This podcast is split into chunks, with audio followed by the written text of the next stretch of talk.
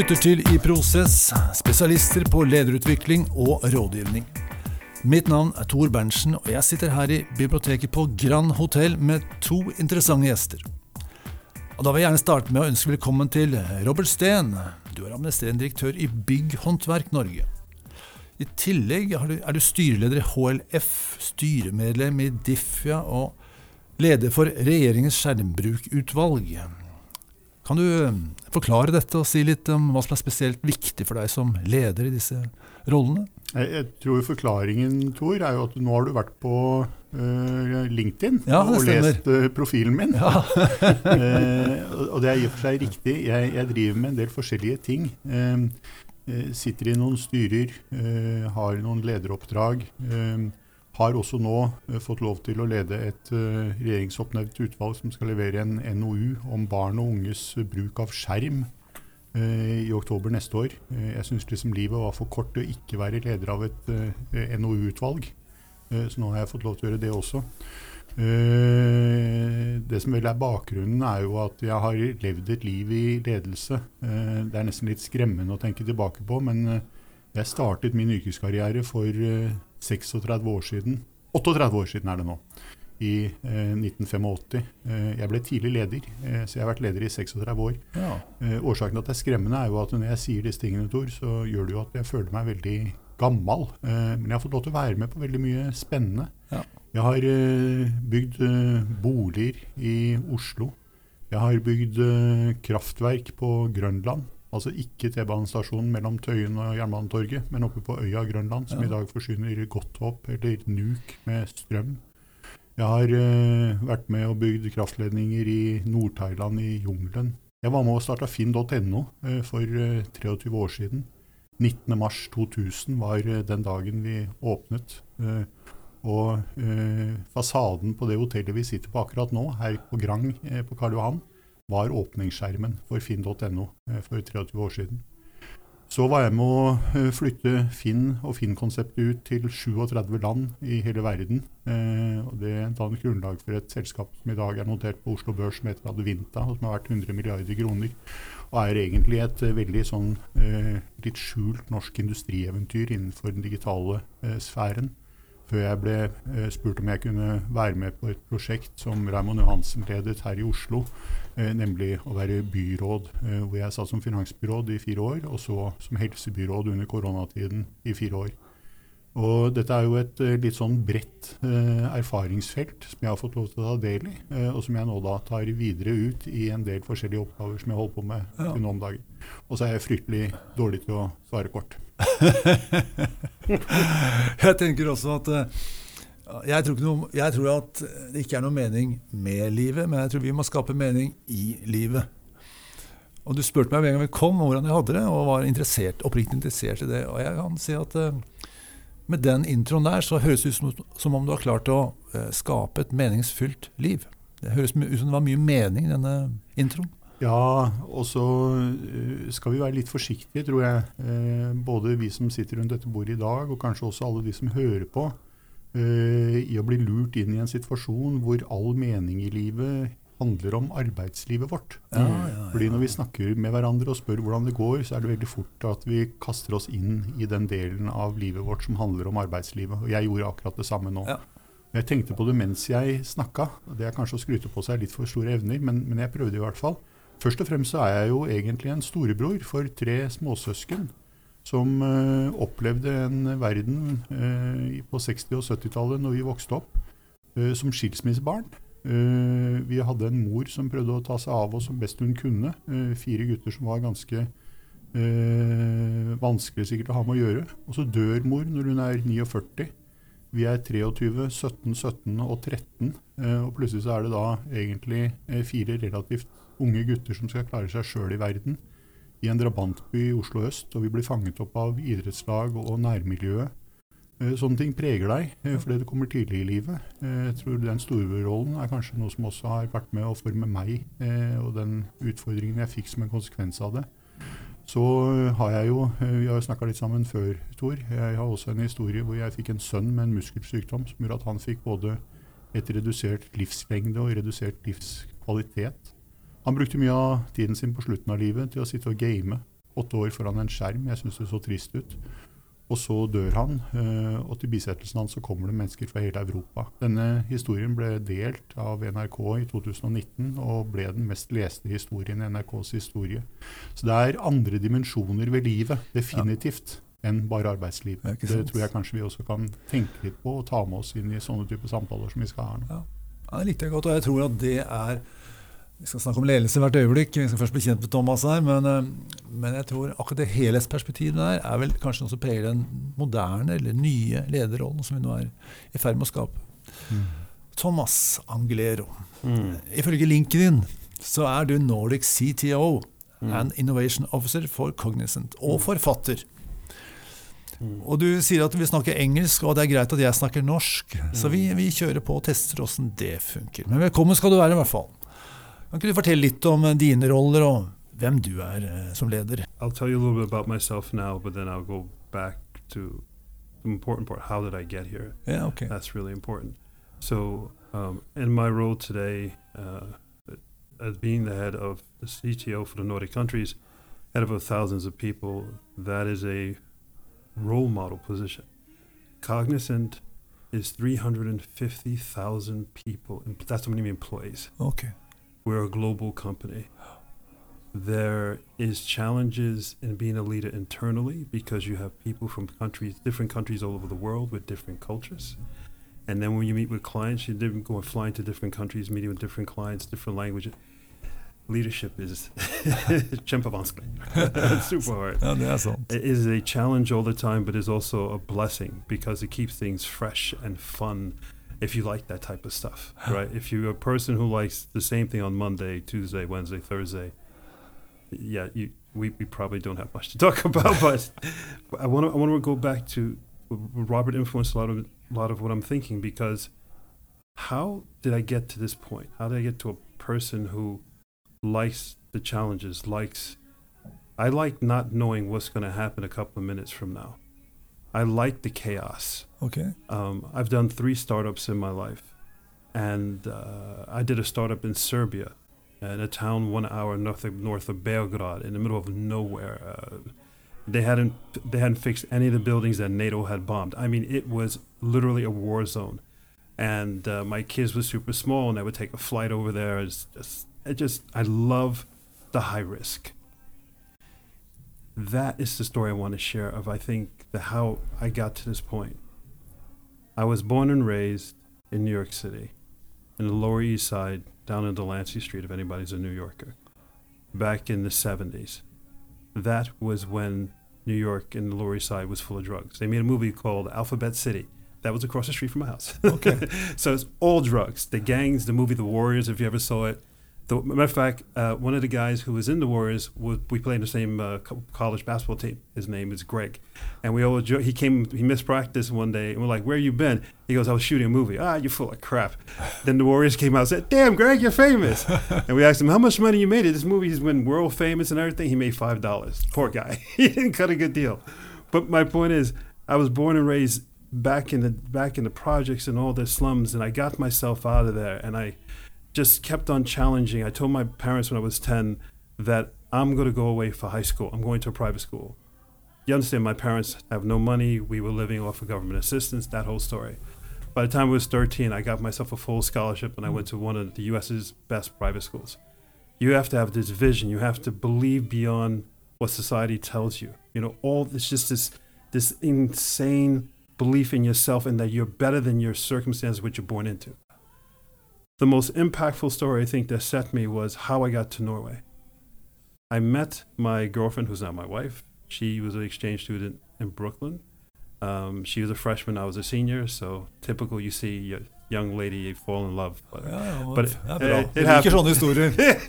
but it was love at first sight. I was, I was at first sight. I was going up the steps of the library, and I saw her running across campus, and literally my leg stopped in the air as I was going up the steps, and I knew she was the one. Bra. I was living with someone at that time. Ikke så bra. Det var ikke så bra. but I just knew. But the point is that we, you know, uh, you know, I stopped dating that one. I started dating my my girlfriend, my wife, and then we she graduated. I graduated. We both had two fantastic jobs, income, an apartment. We had excess money at the end of the month. Living in New York is perfect. Oh, Guess what she did? She said, Thomas, things are too perfect. I have to go back to Norway. If I don't go back to Norway now, I'll never go back. So she left the next day, which was Thanksgiving Day. You don't leave an American on Thanksgiving Day. It's like, uh, it's the worst thing you possibly do. Long story short, I was going, I had a full time job and I was going into pre med school in the evening to become a doctor. After a year and a half of that, of being apart from her, I got a full scholarship to go to California to become a full doctor, all paid for. Oh. I called her on the phone in Norway, and I said, "Guess what I have in my hand?" She goes, "What?" I said, "I got a full scholarship to be a doctor. I've achieved my dream." She said nothing. Then, after a long silence, silence, she said, "You have a choice. You either go to California and be a doctor, or you can come to Norway and be with me." The ultimatum. Å, fy fader. I hung up the phone for three days. I walked around like a mummy, asking myself, "That what what is it? How do I make this decision? That's a that's a big decision in your life. Do I leave all my friends? Do I leave my family? Do I leave my culture? Do I leave everything I know to this place called Norway? I mean, I'm a guy from the projects." Three days later, I called her back and said, "Guess what I have in my hand now? I have a one-way ticket to Oslo. I'll see you in three weeks." And the fundamental question I realized was, what makes me happy? She makes me happy. My point of the story is that to be a great leader, to be to be anything is you have to believe in yourself and you have to take massive risk. As a leader, you're put in situations that are impossible at that moment. The challenges has never been happened before. The inflation, the wars, just all this stuff happening. Calm it down. Slow it down. I left my life, my family, my culture, my life. I left everything behind to be with someone in a very beautiful country now. I've been here for a very long time. And the only way you make such decisions, you get through crises or elevate yourself, because I believe I matured and elevated myself, was I slowed it down and I said, my life is no life without her. How do I handle this moment? You slow it down, center yourself, and the answer is there. Get away, get away from all the noise, and don't Ah, ask people and stuff like that. They have no advice. You that's, they're not going to live their life behind. Uh, my family is the last people I will listen to for that. They're still living in the projects, which is fine. But um, that's who I am, and I'm very proud of it. And it does piss some people off because some people like Monday, Tuesday, Wednesday being the same. Ja, ja, ja. Um, Jeg synes det er imponerende at du, at du i den situasjonen, kanskje den også alderen, klarer å um, koble ut. For vi lever et Alle generasjoner har gjort det før også, men det er jo, alle er på toppen av utviklingen. Så det, nå er det makstrøkk i sammenlignet med tidligere generasjoner, hvor påvirkning og forventningene er kraftige og sterke. Og det er ganske krevende å si eh, bort med all støyen, eh, nå skal jeg kjenne yeah, Det er for et emosjonelt valg. yeah, Det er, det er ikke rasjonelt, det er emosjonelt. yeah. Skal jeg kjenne etter hva jeg føler? Og det, og det å klare å skille ut støyen og ha så gode alternativer, da. Yeah. Og det ene som er kanskje sterkest emosjonelt, er jo risikabelt rasjonelt. Det, Is, but that's that's something. I mean, actually, Ax Rob, Robert probably has a thousand stories how he won. He made a decision that no one else backed. No one else believed in you, right? Right? No one else, but you stood by that decision. That's leadership. A form, not the form, ja. is a form of leadership, and that's also being innovative, right? There is a pioneer. Who's the first to do these things? You need to have those people. It's, it's very important to be that guy or that Ja, ja, that woman or whatever, but it's a had massive risk. det har det. Men Og så- er det utfordrende. Jeg, jeg gjør det jo fortsatt. Jeg sier jo fortsatt ting som folk ikke liker. Eh, og- No way. og, og, og, jo, mer, jo mer du gjør det, jo mer du trener på det, jo sikrere blir du på det. Men jeg har en veldig god venn, og hun sier til meg en gang iblant Du må også huske på, Robert, at den første som sa at jorda var rund, han drepte de. Hvis vi drar det over i ledelse, da, litt, rann, vi kan gjerne holde balansen mellom ledelse og liv, egentlig, for det er eh, egentlig to sider av samme sak som jeg veldig gjerne belyser. Eh, så syns jeg mange ledere sliter med å ta disse grunnleggende valgene. Altså Vi har alltid uløste oppgaver. Vi har alltid tøffe prioriteringer. Det er ikke sånn at vi skal gjøre noe viktig eller uviktig. Vi skal velge blant mange viktige oppgaver. Så ser vi ofte at ledere sitter i ett møte. Ja, vi bestemmer oss for å gjøre alle disse tingene her. Det er kjempebra. Vi tror på det. Men så klarer vi ikke å gjennomføre fordi at det er overload. ikke sant? Du klarer ikke å fullføre de 15-20 gode initiativene. Du har kapasitet til to-tre. Og så sitter vi da med en slags misnøye, en slags, eh, en slags eh, spent hvor vi egentlig ikke gjør, får til det vi ønsker å få til. Eh, overambisiøst og kanskje har lovet for mye. Eh, og så blir det misnøye på kommunikasjon, og så er vi i gang i dette hamsterhjulet som drives fram, som er forårsaket at ledere er opptatt eh, to måneder fram i tid. Det er ikke et hull i kalenderen noe sted omtrent. Med den erfaringen og den historien du fortalte nå, mm. er du like opptatt og låst som alle andre ledere, eller er du klart å liksom å rive deg litt løs fra det i, i, den hverdagen du lever i nå? da? There's room for all type of leaders. You, you can't just have everybody who wants to take risks. Society would fall apart in five seconds. um, I've I've led I've been part of many groups, led many groups, and uh, when I was uh, head of innovation for Skatteetaten a few years ago, uh, I remember hiring a woman who had only a, a idretts background. Okay, that was her degree. Oh.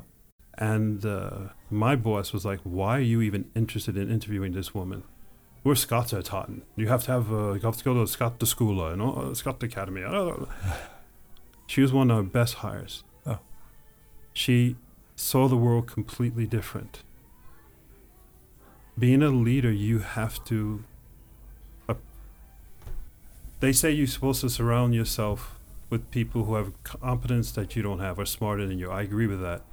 But you also should surround yourself with people who tell you no and then why. Do not surround yourself with the yeses. Oh. So, yeah, there's room for other type of leaders, but you should, yeah, it's a, it's a complex picture. There's room for other type of leaders, but also there's room for other type of people, and embrace and love them and appreciate them. And you're not gonna like everybody. It's just not possible. I mean, Robert and I sort of get along. I think we'll find out by the end of the podcast. but. Uh, there is room for everyone, and you, as a, as a good leader, you have to find the good qualities of people and the bad qualities, and it, it is a challenge every single moment. What, what do you think?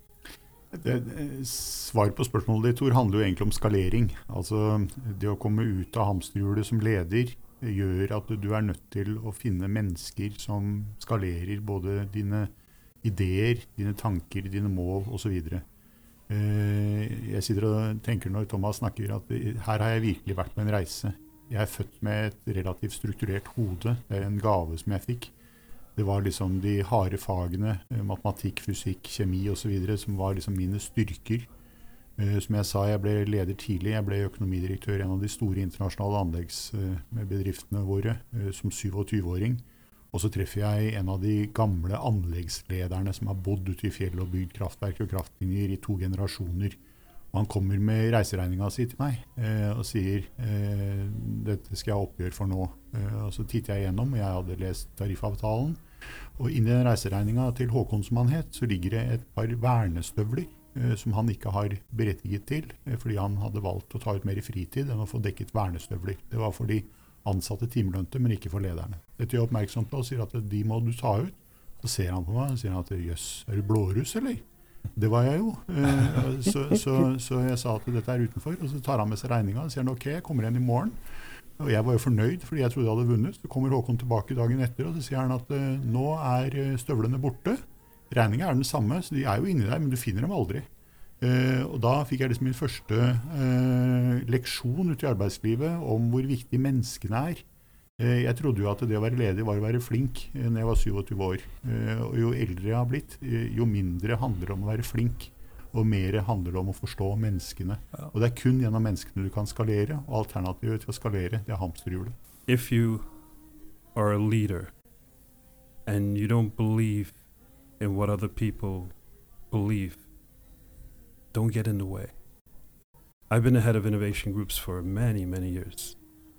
And one of the most destructive type of leaders are other leaders who use 80% of their time to stop you or destroy you or or stop any change, anything that's different.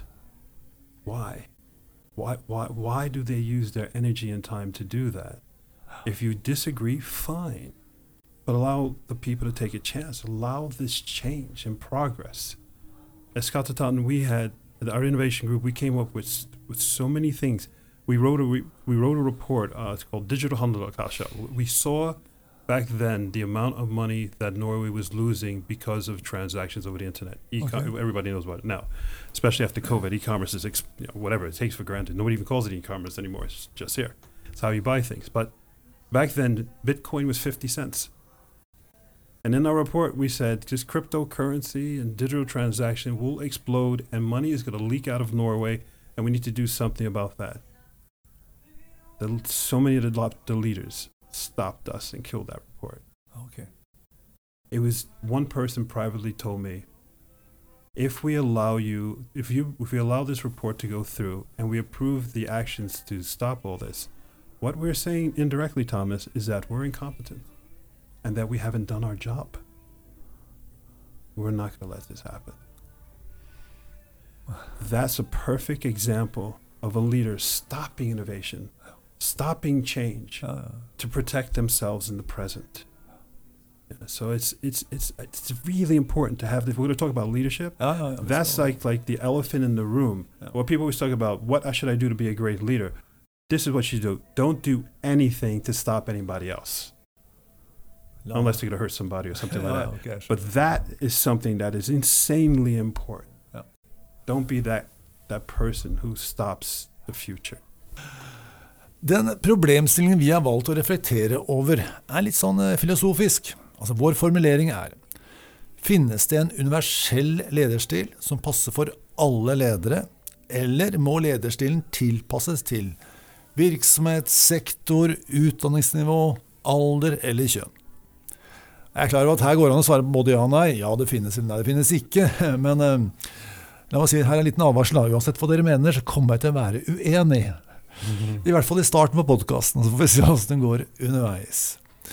Men eh, eh, før vi går til kjernen av selve problemstillingen og prøver å besvare spørsmålet, hvis det finnes et svar, da. Eh, la oss utforske litt sånn en mer generell tilnærming.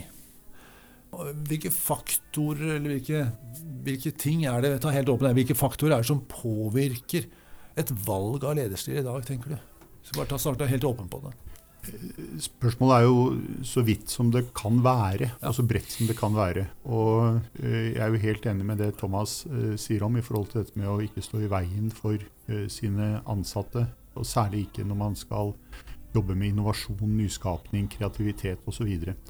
Men samtidig, årsaken til at jeg dro det forrige spørsmålet tilbake til tidlig erfaring som 27-åring, så er nok lederstil også noe som vi utvikler sjøl i våre egne livsveier og, og valg. Jeg er nok en helt annen leder i dag enn jeg var som 27-åring, og jeg tror det er nødvendig.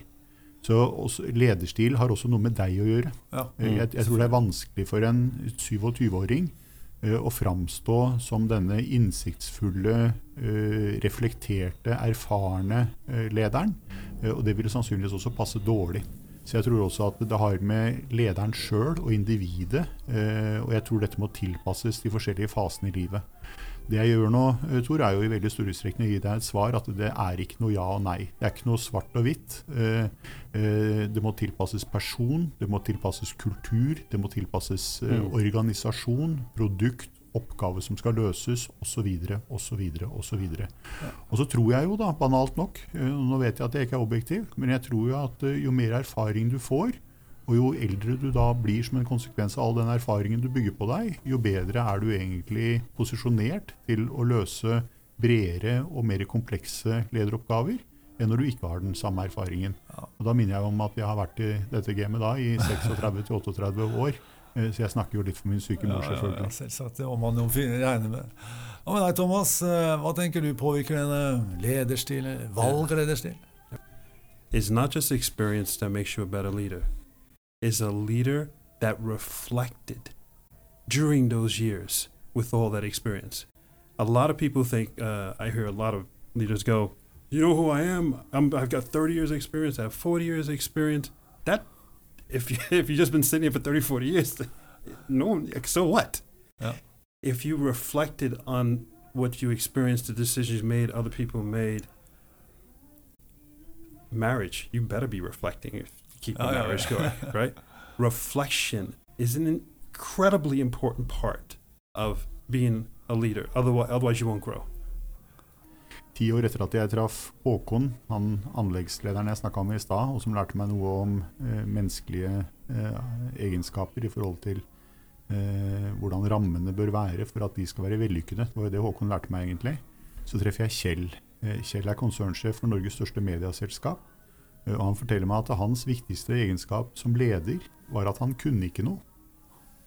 Og konsekvensen av å ikke kunne noe når du skal være konsernsjef for Norges største mediaselskap på slutten av 90-tallet, som var en veldig sånn transformativ periode fra det Mm. analoge mediet til det digitale mediet, og det var de færreste som overlevde, og Skipsted har i ettertid blitt sett på som kanskje en av de mest vellykkede medieselskapene i verden i forhold til den digitale transformasjonen, så sier Kjell at min viktigste egenskap er at jeg kan ikke noe, så jeg er nødt til å ansette massevis av flinke mennesker som jeg er nødt til å la få lov til å gjøre ting som jeg ikke helt skjønner. Mm. Min egentlig verdi er å overføre deres ideer til hovedaksjonæren på en måte som gjør at han støtter disse ideene, som ingen skjønner hva er. Mm. Det får være min oppgave. Mm. Jeg er broen mellom disse som kan noe om den nye verden og den fremtiden vi går inn i, og den gamle aksjonæren som har sittet som familieeier i tre generasjoner. Det er min oppgave.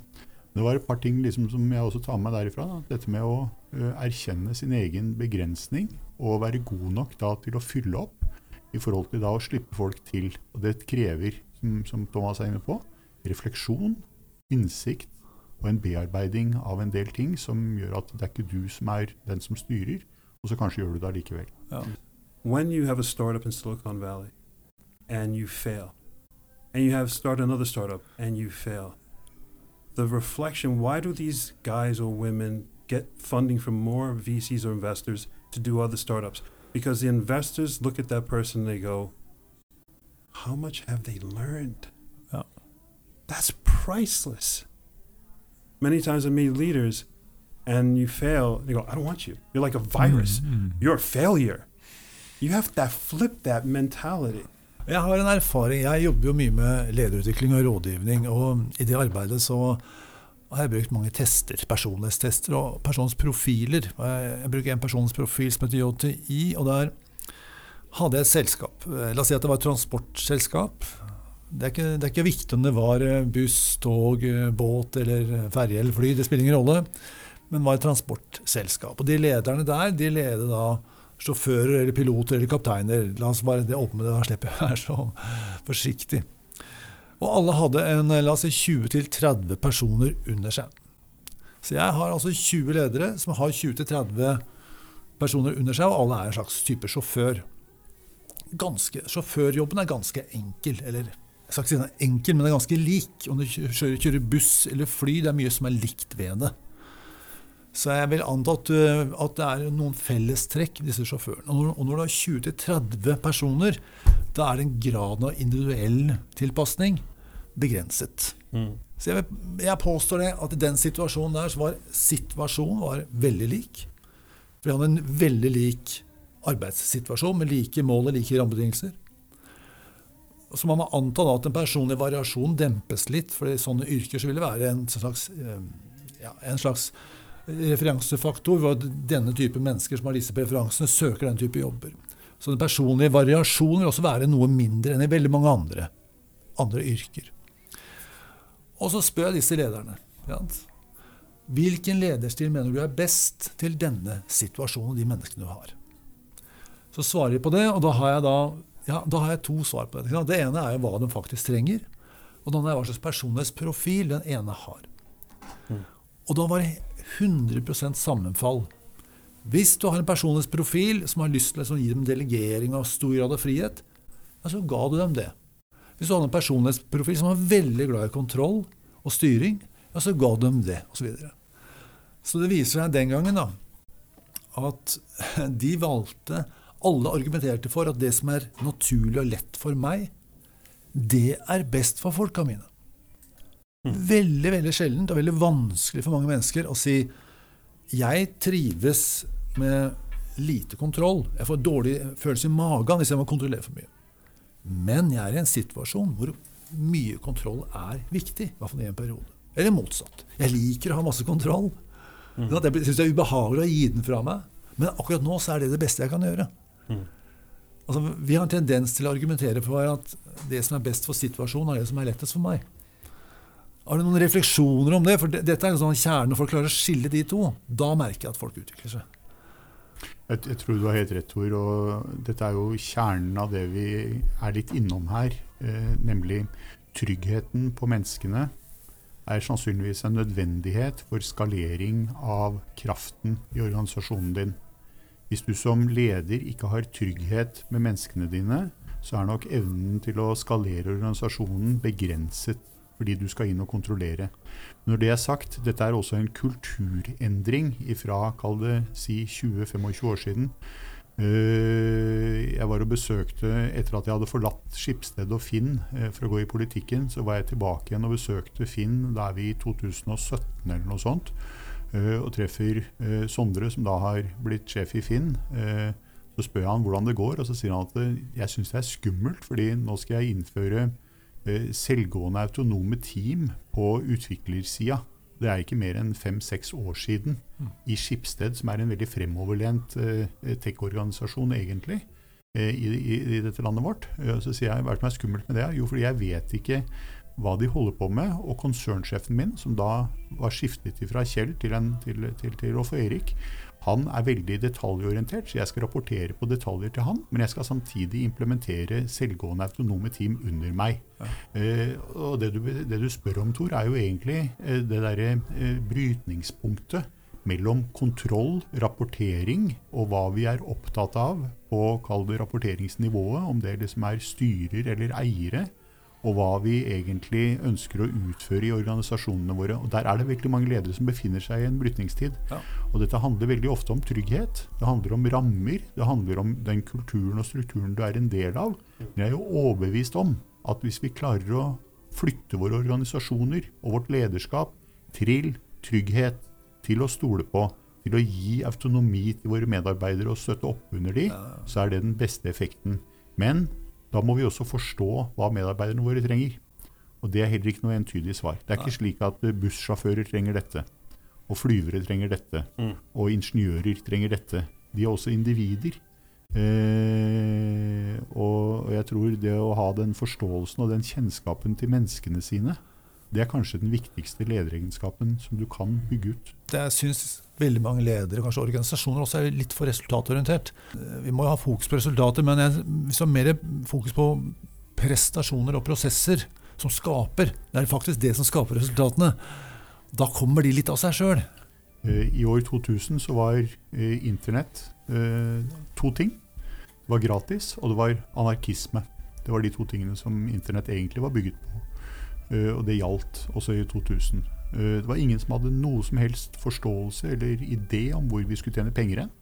Eh, og det kosta penger, eh, men det var en stor hype rundt det den gangen. Så det var stor interesse fra investorer helt fram til 20. mars, altså 21. mars, to dager etter at vi hadde lansert Finn. Da sprekker internettbobla. Så det var jo liksom lousiest timing ever. Men det gikk veldig bra, og vi ble eh, veldig vellykkede. I Frankrike så laget vi en kopi som heter Le Bon Coin, som er enda mer kjent enn det Finn er i Norge. De drev eBay ut av Frankrike etter tre års operasjonell drift. eBay eide jo disse markedsplassene eh, og etablerte seg tidlig og var first mover og tok alle de fordelene. De hadde en global merkevare, de hadde en teknologibakgrunn eh, fra Silicon Valley. De hadde alle forutsetningene til å vinne. Allikevel så er det da denne lille norske startupen fra år 2000 som blir den globale vinneren oppi alt dette. Det mener jeg ene og alene var pga. kultur. Mm. Det handlet ikke om teknologien, det handlet ikke om produktet. Men det handlet om at vi var gode til å bygge kultur på en måte som gjorde at når alle andre ønsket å kopiere oss, selv Facebook prøvde med sin merkevare, sin kapitalbase og sin teknologi å ta over disse markedene, når de så hvilke enorme verdier vi var i ferd med å bygge opp i dette her, og klarte det ikke. fordi at de så ikke at det var et kulturelement der som de ikke var i stand til å kopiere. Og det handlet mye om autonomi. Det handlet mye om å gi trygghet til de ansatte til å løse oppgavene hver eneste dag, slik som de opplevde det ute i førstelinja. Mm. Der har vi oppe i Norden her, tror jeg, en fordel, hvis vi som ledere klarer å frigjøre den. Hvis vi skal forenkle, superforenkle så mye som overhodet mulig Det er ikke alt for ledelse, men det er én kjernekomponent ved fenomenet ledelse. Du skal løfte frem én ting som du mener er det viktigste blant det viktigste. Jeg har vært i mitt liv som leder på en ganske voldsom reise. Da jeg som 27 år gammel leder eh, utøvet ledelse, sånn som jeg fortalte om historien om Håkon, så var det fordi at jeg kom fra en rasjonell bakgrunn. Eh, jeg likte ledelse fordi jeg trodde og mente at ledelse var rasjonelt. Det var regler, det var innsikt, det var kunnskap, det var forståelse. Det var det rasjonelle som lå til grunn for mitt lederskap. I dag, når jeg har runda 60, så er jeg helt i den motsatte enden. I dag så er Altså, jeg startet med å tro på ledelse som regneark. I dag så tror jeg at uh, årsaken til at jeg er så glad i ledelse, er fordi det er så langt unna regneark som du kan komme. Uh, fordi det har det menneskelige elementet, som, som Thomas beskrev. Jeg vil aldri bruke kunstig intelligens på valg av kjærlighetspartner. Selv om kanskje det er mange som ville påstått at det var fornuftig. Min far var av den oppfatning at det å basere et livslangt eh, relasjon på hva du opplever med 2,5 promille klokka tre om morgenen, er kanskje ikke det mest kloke du gjør. Men, men, men, men, det sier noe om oss som mennesker. Vi er ikke regneark. Vi er ikke kunstig intelligens. Så selv om all kunnskap er tilgjengelig for oss, og vi kan fatte de beste beslutningene, så håper jeg jo for Guds skyld at vi aldri kommer dit som mennesker. fordi da har vi ikke brukt for ledelse lenger. Da er ledelse borte. Så jeg tenker liksom at ledelse handler om at man er så langt unna regnearkene som man kan være. Man er i nærheten av menneskene, og menneskene er komplekse. Derfor, for jeg har ikke glemt spørsmålet ditt, Tor, det er den ene tingen som er viktigere for ledere enn noe som helst annet, det er nysgjerrighet. Ok, fint. Vi fikk et ord til slutt, iallfall. Ja, er godt. Jeg syns du fikk mange ord. Jeg, ja, ja, ja. Hva tenker du, Thomas? Hva er dine eh, refleksjoner rundt dette? It's er crazy that he ends with the exact same word that I had in my head the whole time. But I will tell a different story. Being a leader many times is a very lonely experience. Incredibly lonely. You are by yourself in the decision. You are by yourself at two o'clock in the morning. You can't sleep. It's, it's, you're consumed. Um, in those moments of loneliness, you must find the love within yourself to love yourself and trust yourself. You have to find love within you and l- really love yourself and trust yourself. Without that, you are going to be a horrible leader and making decisions based off of ego, based off insecurity, and destroying everything in your path. Jeg er en ganske sånn rasjonell type. Født sånn. Min personlighetsprofil er den tar personlighetstester, så er jeg liksom superrasjonell gjennomfører. For noen tester så er jeg blant de to prosent mest gjennomførende i verden, altså planmessighet på det. Så jeg er nesten som det regnearket du beskrev, sånn i typen. Men jeg har en bror, en lillebror som er syv år yngre enn meg, og han er, har cerebral parese og er, har super, all hjelp som et menneske kan trenge, det trenger han. Han sitter i rullestol, må mates. Skal han sove, må han bæres opp i senga, opp om natta, snu han to-tre ganger osv. Å vokse opp sammen med han gjør jo at du blir veldig oppmerksom på hva som er viktigst. Mm. Først så er det familien hvor hvis ikke han har det bra, så er det ingen som har det bra. Det er liksom fundamentet for hele familien. Så det er en lett prioritering. Og det andre er at eh, hvis han kan være lykkelig, med alle de begrensningene han har, da har ikke jeg noe grunn til å klage. Så jeg er happy man. Det er utgangspunktet. Eh, og med den erfaringen så har jeg søkt meg over, ikke i regnearkverdenen som kanskje kunne vært naturlig og gått på BE og sånne ting. Jeg har gått over i pedagogikk og jobbet med vanskeligstilte barn, eh, barn i krise, mennesker i krise, voksne i krise, barne- og ungdomspsykiatri. Det har gått den veien hele tiden. Eh, hvis jeg skal oppsummere, Du hadde jo ett ord. Hvis jeg skal oppsummere en liten setning som er viktigste, det viktigste for meg da, i den rollen jeg er i, så vil jeg si at eh, først så må jeg forstå det du forstår.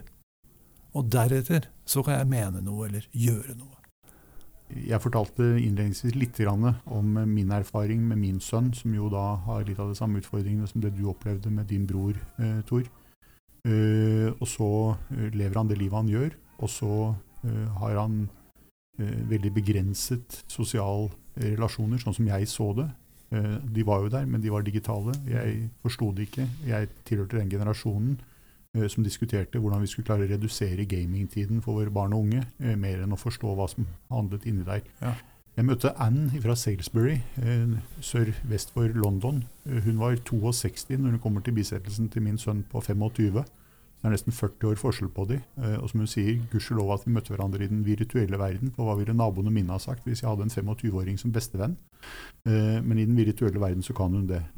Og så sier hun til meg jeg tror det som dere som ikke skjønner hva vi holder på med der inne, dere har glemt dette ordtaket om 'seek first to understand, for then to be understood'. Og Det er jo det samme som du sier, eh, Mm. Tor.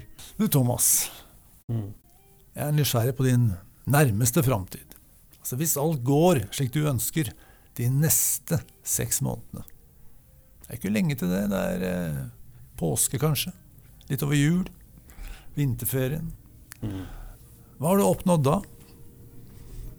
Six months from now, if everything goes absolutely perfect, I'll Yes. be in front. I'll be on 42nd Street and First Avenue in Manhattan, standing in front of everybody, all the world's dignitaries in the United Nations. That's what that's what my vision is. Ok. I I see when I look in the future, I put see something that doesn't exist and can not possibly happen, and therefore, it has to happen. That's how I see it. You have to have. They say have impossible dreams, have impossible goals. Make it ridiculously embarrassing, and that's how I see my future. Uh, yeah, I'll be in front of the United Nations in six months. Ok, Veldig bra.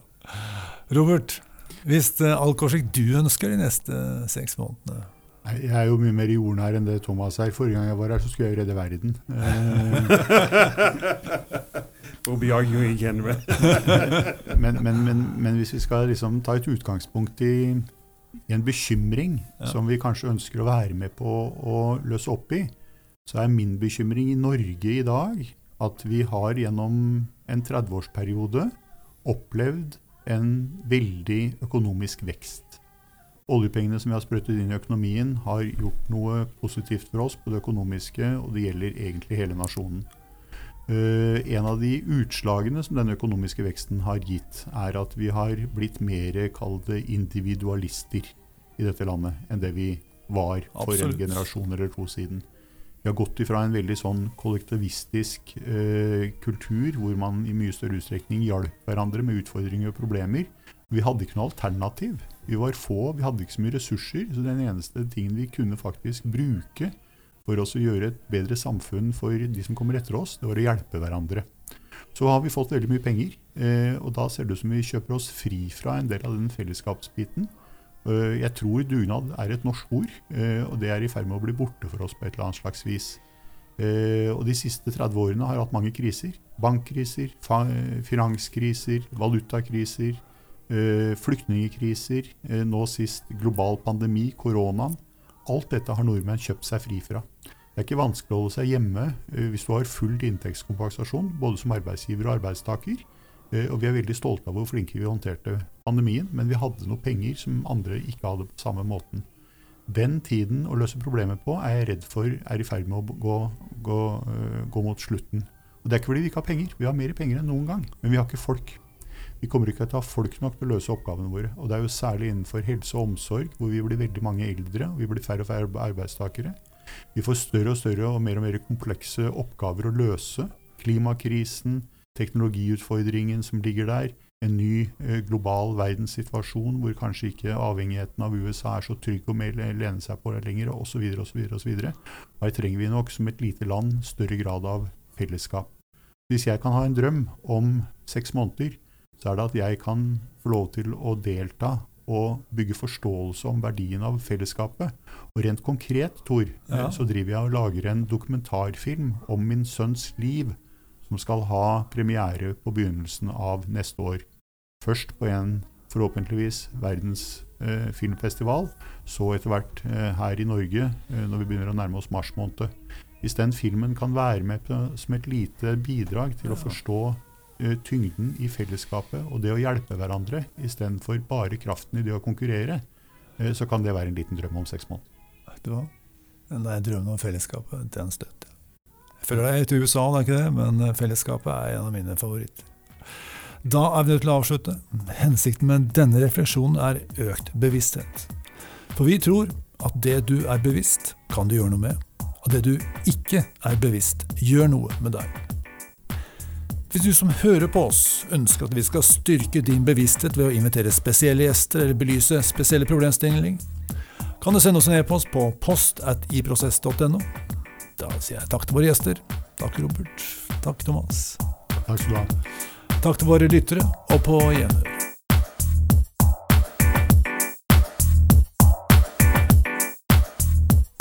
Hei, jeg vil gjerne ha din oppmerksomhet litt til. Jeg har nemlig noe du trenger. Som du vet, jobber vi med lederutvikling. Og tradisjonelt har det vært å utvikle ledergrupper eller gjennomføre lederprogram på konferansehotell. Gjerne kombinert med coaching på ditt eller mitt kontor. Det gjør vi fortsatt. Men nå har vi online lederprogram, som gjør at du kan utvikle deg selv og dine ledere uten en ekstern konsulent, eller med bare litt støtte. Hva betyr det for deg som leder? Jo, to ting. Du kan utvikle mange mennesker samtidig, og prosesser som tidligere ville tatt mange år, kan gjennomføres i løpet av uker og måneder. Det andre er kostnadsbildet. Det kan reduseres med 90% eller du kan få ti ganger så stor gjennomslagskraft til samme pris. Mulighetene er mange. Gå til iprosess.no, eller enda bedre, ta kontakt på post at iprosess.no. Så kan vi avtale en prat om hva som passer for deg og din virksomhet. Vi snakkes.